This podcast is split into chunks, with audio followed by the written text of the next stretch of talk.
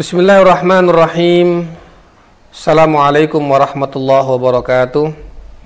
Alhamdulillah wassalatu wassalamu ala Rasulillah wa ala alihi wa sahbihi wa man wala. Ashhadu an la ilaha illallah wahdahu la syarikalah wa ashhadu anna Muhammadan abduhu wa rasuluhu la nabiyya ba'dah. Allahumma salli wa sallim wa barik ala habibina wa syafi'ina wa qurrati a'yunina Ala alihi wa sahbihi wa man ihtada bihadihi wa istanna bisunnatihi ila yaumil qiyamah. Amma ba'du. Saudaraku yang dirahmati Allah kita akan mengaji tafsir surat Al-Fatihah dari rangkuman atau ringkasan kitab At-Tafsir Ar-Rahim karya Syekh Al-Allamah Al-Arif Billah Ad-Duktur Rajab Dib Qaddasallahu sirrah. Mudah-mudahan dengan ini pahalanya juga akan nyampe kepada beliau. Amin ya rabbal alamin. Kita akan mulai dengan apa itu Al-Fatihah. Mengapa dinamakan surat ini dengan surat Al-Fatihah dan apa saja nama-nama lain dari surat Al-Fatihah. Kemudian apa keutamaan atau fadilah-fadilah Al-Fatihah berdasarkan yang disampaikan oleh Allah sendiri dalam Al-Quran maupun juga yang disampaikan oleh Rasulullah dan para ulama kita. Pertama, Kenapa surat ini dinamakan dengan Al-Fatihah? Al-Fatihah artinya pembuka. Sesuatu yang membuka. Yaitu Al-Fatihah. Wasumiyat bil Fatihah dinamakan dengan Fatihah karena satu li'anna al-Qur'an al-Karim uftutiha biha fahiya awaluh. Karena Al-Quran Al-Karim, kitab suci kita ini dibuka dengan Al-Fatihah. Dan Al-Fatihah ini menjadi surat pertama. Jadi kenapa dinamakan dengan Al-Fatihah? Pembuka, karena memang surat ini adalah surat yang pertama kali ada dalam Al-Quran, membuka semua surat-surat atau mengawali semua surat-surat dan ayat-ayat berikutnya. Itu dinamakan dengan Al-Fatihah. Pertama, yang kedua, li'annana nastaftihu biha kulla rak'atin min rakaat solawatina. Karena kita ya membuka setiap solat kita, bahkan setiap rakaat dari solat kita dengan surat Al-Fatihah ini. Artinya, tidak ada solat yang tanpa membaca Al-Fatihah. Solat apa pun, semua jenis solat pasti ada Al-Fatihahnya. Bahkan di dalam setiap rakaat, termasuk sholat jenazah, sholat mayit, ada Al-Fatihahnya. Ini sebagaimana disampaikan oleh Rasulullah Shallallahu Alaihi Wasallam yang direwatkan oleh Imam Bukhari dan Imam Ahmad. Apa kata Rasul? La solata liman lam yakra bi fatihatil kitab. Tidak ada solat. Artinya tidak sah solat seseorang apabila ia tidak membaca Fatihatil Kitab atau surat Al-Fatihah. Orang sholat tanpa Al-Fatihah berarti sholatnya tidak sah. Demikian penegasan Rasulullah Shallallahu Alaihi Wasallam di dalam hadisnya yang masyhur. Saudaraku yang dirahmati Allah, beberapa nama Al-Fatihah ada 13 setidaknya yang dirumuskan oleh ulama dalam tafsir ini nama lain dari surat Al-Fatihah. Pertama, Fatihatul Kitab. Fatihatul Quran. Ummul Kitab. Ummul Quran. As-Salah. Suratul Hamd. Asy-Syafiyah. Al-Wafiyah. Al-Kafiyah. Ar-Ruqyah As-Sab'ul Mathani, Al-Quranul Azim, dan Al-Asas. Ada 13. 13 nama yang dirumuskan oleh para ulama berdasarkan ayat, hadis maupun pendapat-pendapat para ulama tentang nama lain dari surat Al-Fatihah ini. Beberapa akan saya jelaskan. Fatihatul Kitab sudah tadi sudah saya jelaskan yaitu sebagai pembuka dari kitab suci ini dan dia menjadi awal dari semua rangkaian surat-surat setelahnya. Yang kedua, Ummul Kitab. Kenapa dinamakan dengan Ummul Kitab? Ummul Kitab itu artinya adalah induknya Alkitab atau Ummul Quran, induknya Al-Quran. Mengapa? Karena menurut Syekh Rajab, Qaddasallahu sirrah, bahwa kalau kita mencermati semua ayat-ayat Al-Quran, keseluruhan ayat-ayat Al-Quran, kita akan mendapati bahwa semuanya kandungan-kandungan maknanya terangkum di dalam ayat-ayat surat Al-Fatihah. Apa saja di antaranya? Ayat-ayat tentang tauhid, keimanan ada dalam Al-Fatihah. Ayat-ayat tentang ibadah, baik ibadah mahdoh atau ghairu mahdoh, ada dalam Al-Quran, ada dalam Al-Fatihah, terangkum di situ. Ayat-ayat tentang akhlak, muamalah, hubungan dengan orang lain, hubungan dengan makhluk-makhluk yang lain, bahkan hubungan dengan alam semesta ini terkandung dalam surat Al-Fatihah. Termasuk juga ayat tentang istiqamah. Bahwa semua itu iman kita, Islam kita, kebaikan kita, akhlakul karimah kita harus bersifat istiqomah, konsisten, kontinu, selamanya. Ada juga terkandung dalam surat Al-Fatihah ini. Itulah disebutkan dengan Ummul Kitab atau Ummul Quran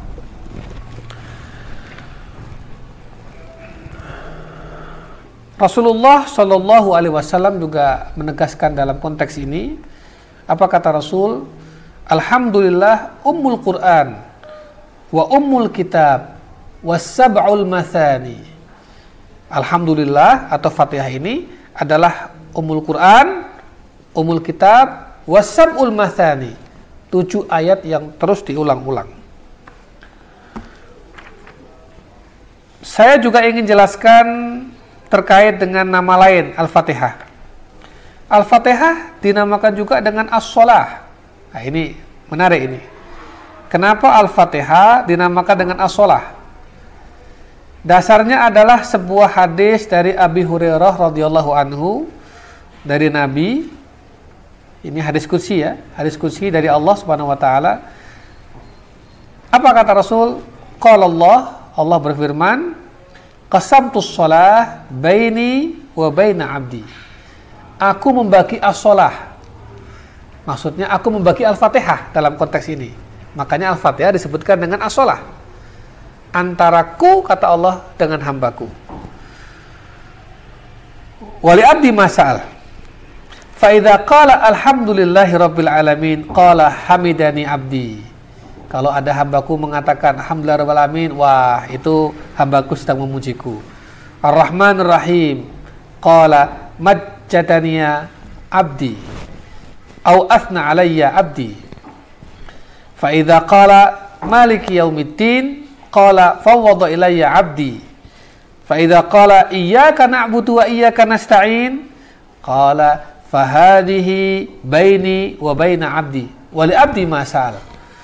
Jadi kalau sudah sampai kepada iya karena butuh iya karena stain kata Allah, nah inilah kita bagi dua. Ini antara aku dengan hambaku. Ya, iya karena budu itu milik bagian Allah, iya karena stain miliknya bagian hamba. Karena iya karena stain berarti hamba yang ingin memohon kepada Allah.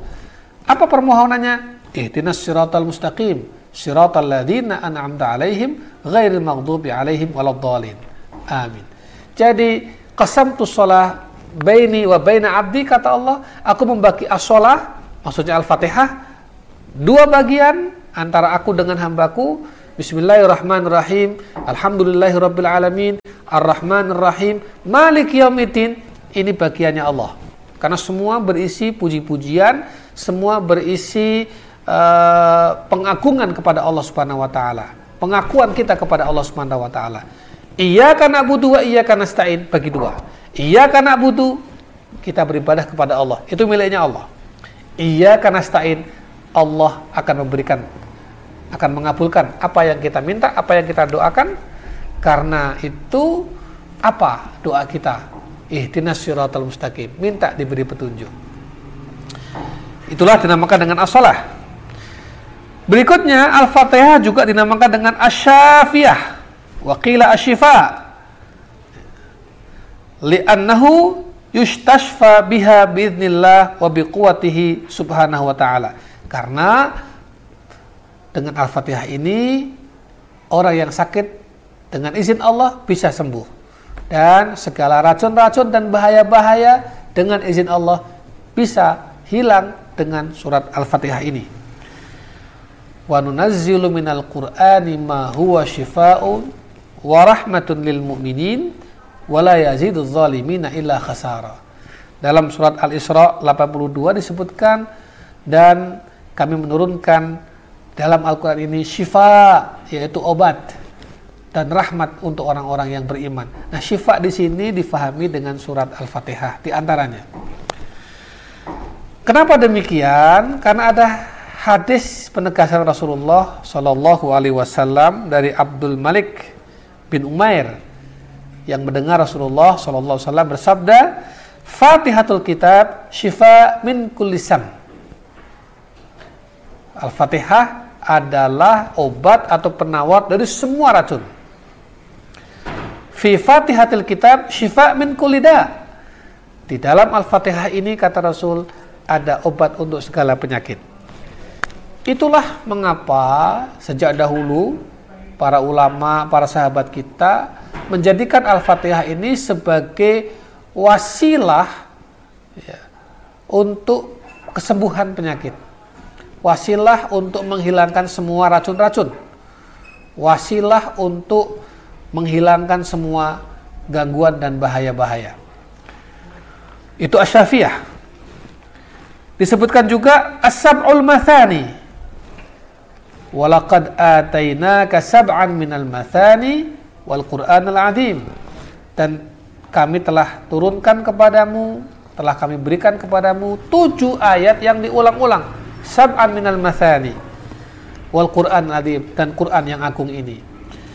Kenapa? Karena Al-Fatihah adalah tujuh ayat yang diulang-ulang bacaannya. Diulang-ulang dalam setiap rokaat kita, diulang-ulang dalam baik dalam sholat maupun di luar sholat. Oleh karena itu disebut dengan asabul mathani. Terakhir Al-Quran dinamakan dengan Al-Asas, Al-Fatihah dinamakan dengan Al-Asas. Al-Asas artinya adalah pondasi atau asal usul. Alaika bi asasil Quran Fatihatil Kitab. Hendaklah engkau membaca dan mempelajari asal usul Al-Quran atau fondasinya Al-Quran yaitu Al-Fatihah. Demikian kata Imam Ash-Sha'abi. Asasul khalqi Adam alaihi salam. Asal usul dari semua makhluk manusia ini adalah Adam alaihi salam. Wa asasul anbiya Nuh dan asal usul atau bonggolnya dari semua nabi adalah Nabi Nuh.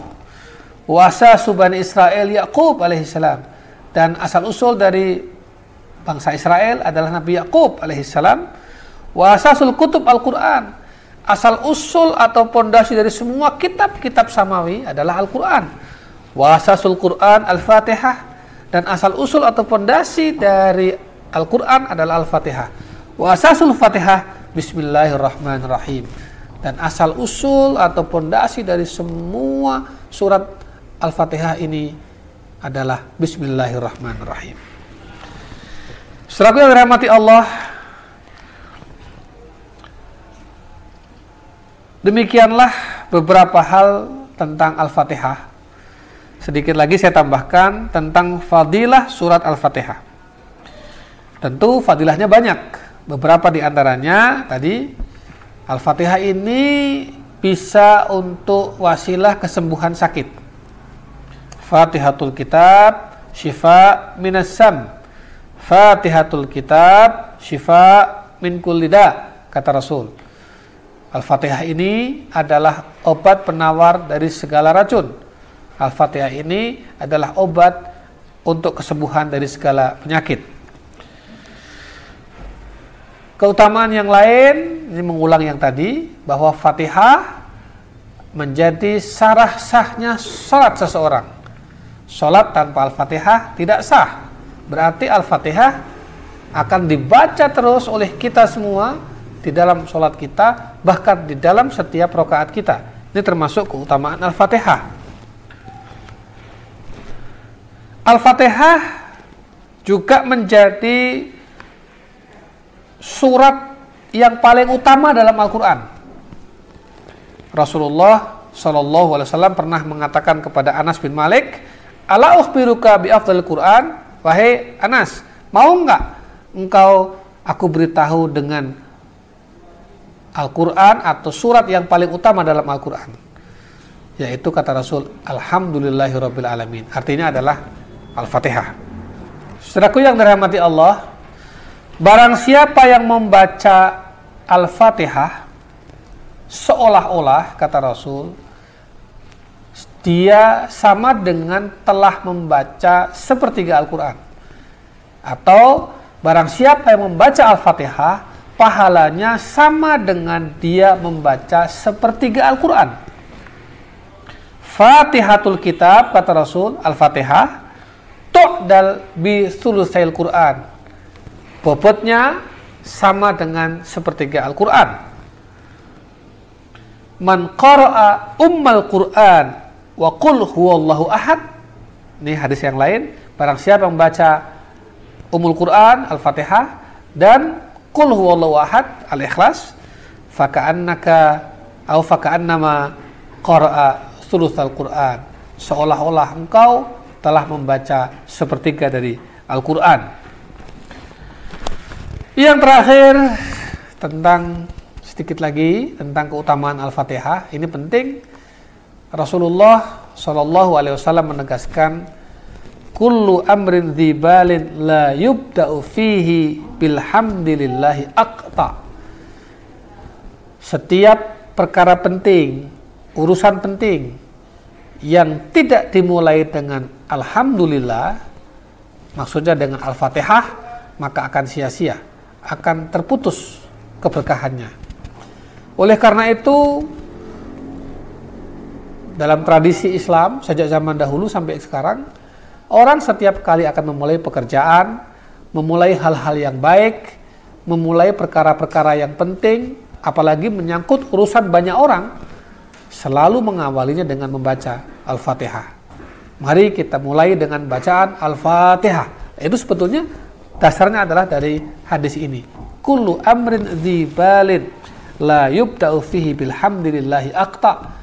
Setiap perkara penting, urusan penting, perkara yang bermanfaat tidak dimulai dengan alhamdulillah, dengan bersyukur kepada Allah, dengan memuji kepada Allah, maka terputuslah keberkahannya dan akan sia-sia belaka. Termasuk di dalam memulai setiap khutbah, setiap ceramah, setiap pembicaraan. Ya.